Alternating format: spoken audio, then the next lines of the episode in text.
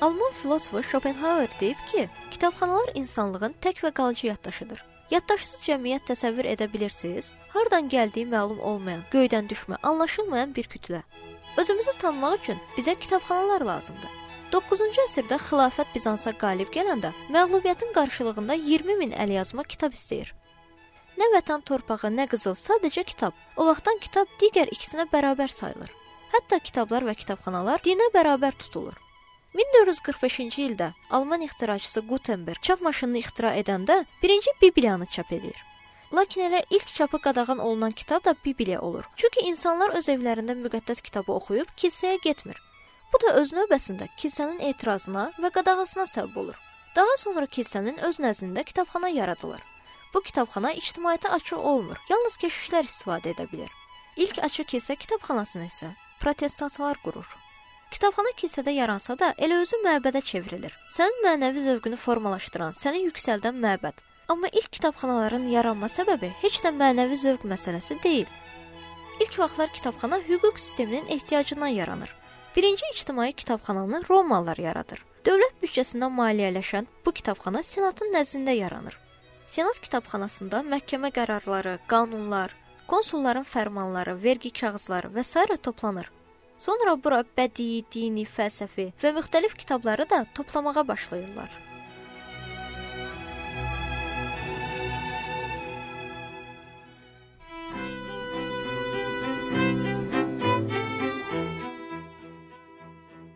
Kitab həm də mədəniyyətdir.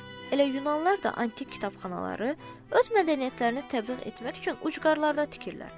Ona görə də bu kitabxanalar Afinada deyil, uzaq İskəndəriyyə və Perqamonda tikilir. İskəndəriyyə kitabxanasında 700 mindən çox, Perqamonda isə 500 mindən çox əlyazma olur. İskəndəriyyə kitabxanası yanandan sonra Perqamon kitabxanasını İskəndəriyyə köçürürlər. Bununla da Kiçik Asiya öz kitabxanasını itirir. Ərəblər İskəndəriyyəni ələ keçirəndə kitabxananı da mənimsəyib ərəb dilinə tərcümə edirlər. Avropalılar isə özlərini yalnız sələb yürüşləri vaxtı ərəb dilli ədəbiyyatda öyrənirlər. Kitablarını ərəb dilindən yenidən öz dillərinə tərcümə edirlər. Sələb yürüşlərinə qədər Avropanın Aristoteliyadan xəbəri olmur. Ərəblər isə artıq Ərəstunu öyrənib bitirirlər.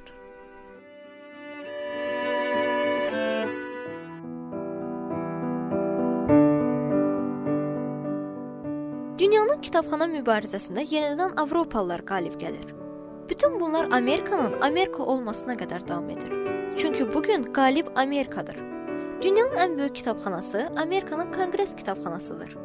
Bu kitabxananın əsası 1800-cü ildə 24 apreldə qoyulur. Həmin gün Amerika prezidenti John Adamson paytaxtın Filadelfiyadan Vaşinqtona köçürülməsini nəzərdə tutan sənəd imzalayır. Elə bu sənəddən sonra mərkəzi kitabxana yaradılır və layihəyə büdcədən 5000 dollar ayrılır. Bu pulla konqresə lazımlı kitablar alınır və bina tikilir. Əvvəllər bu kitabxana konqres nümayəndələri və prezidentlər üçün nəzərdə tutulur. Daha sonra ictimai kitabxana statusu alır. Bu gün kitabxana fondu 142 milyon təşkil edir. Bunun 62 milyonu əlyazmadır.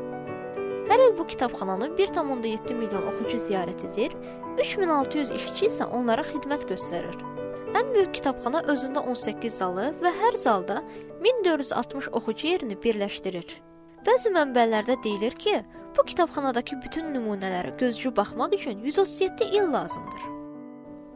Kompüter erası kitabxanaları da elektron versiyada fəaliyyət göstərməyə sövq eləyir. Elə Konqres kitabxanasının təsisçiliyi ilə 21 aprel 2009-cu ildə beynəlxalq rəqəmsal kitabxana yaradılır. Dünyanın ən böyük virtual kitabxanası 7 dildə fəaliyyət göstərir. 2013-cü ilin payızında isə Texasın San Antonio şəhərində dünyanın birinci kitabsız kitabxanası açılacaq. Bibliotek adlanacaq bu ictimai kitabxanada bütün kitablar elektron versiyada olacaq.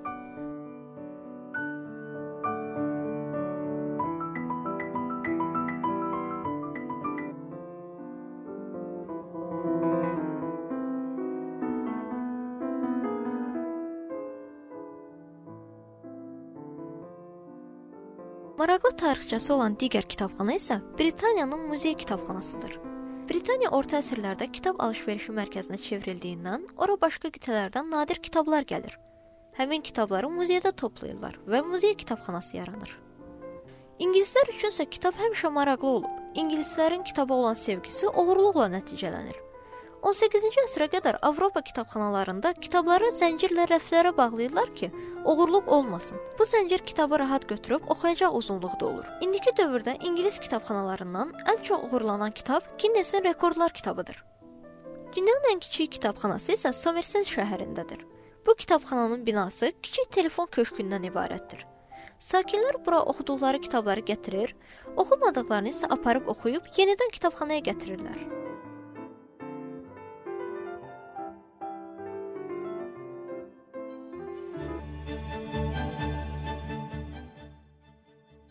Azərbaycanda isə Milli Kitabxananın əsası 1922-ci ildə qoyulur. Rəsmi açılış 1923-cü ildə olur. 1939-cu ildən isə bu kitabxana mütəfəkkir, dramaturq və maarifçi Mirzə Fətəli Axundovun adını daşıyır. Yarandığı ilk vaxtlarda kitabxananın fondunda 5000 nüsxə kitab olsa da, hazırda kitabxanada 4 milyon 513 min çap məhsulu saxlanılır. Oxucuların sayı il ərzində 34 min nəfərə çatır. Milli Kitabxana 2005-ci ildə Avropa Milli Kitabxanalar Konfransı beynəlxalq təşkilatının üzvlüyünə qəbul edilir. 23 aprel isə dünyada Beynəlxalq Kitab və Müəllif Hüquqları Günü kimi qeyd olunur. Nuranə Rəhimova, Gənclərin Səsi Radiosu.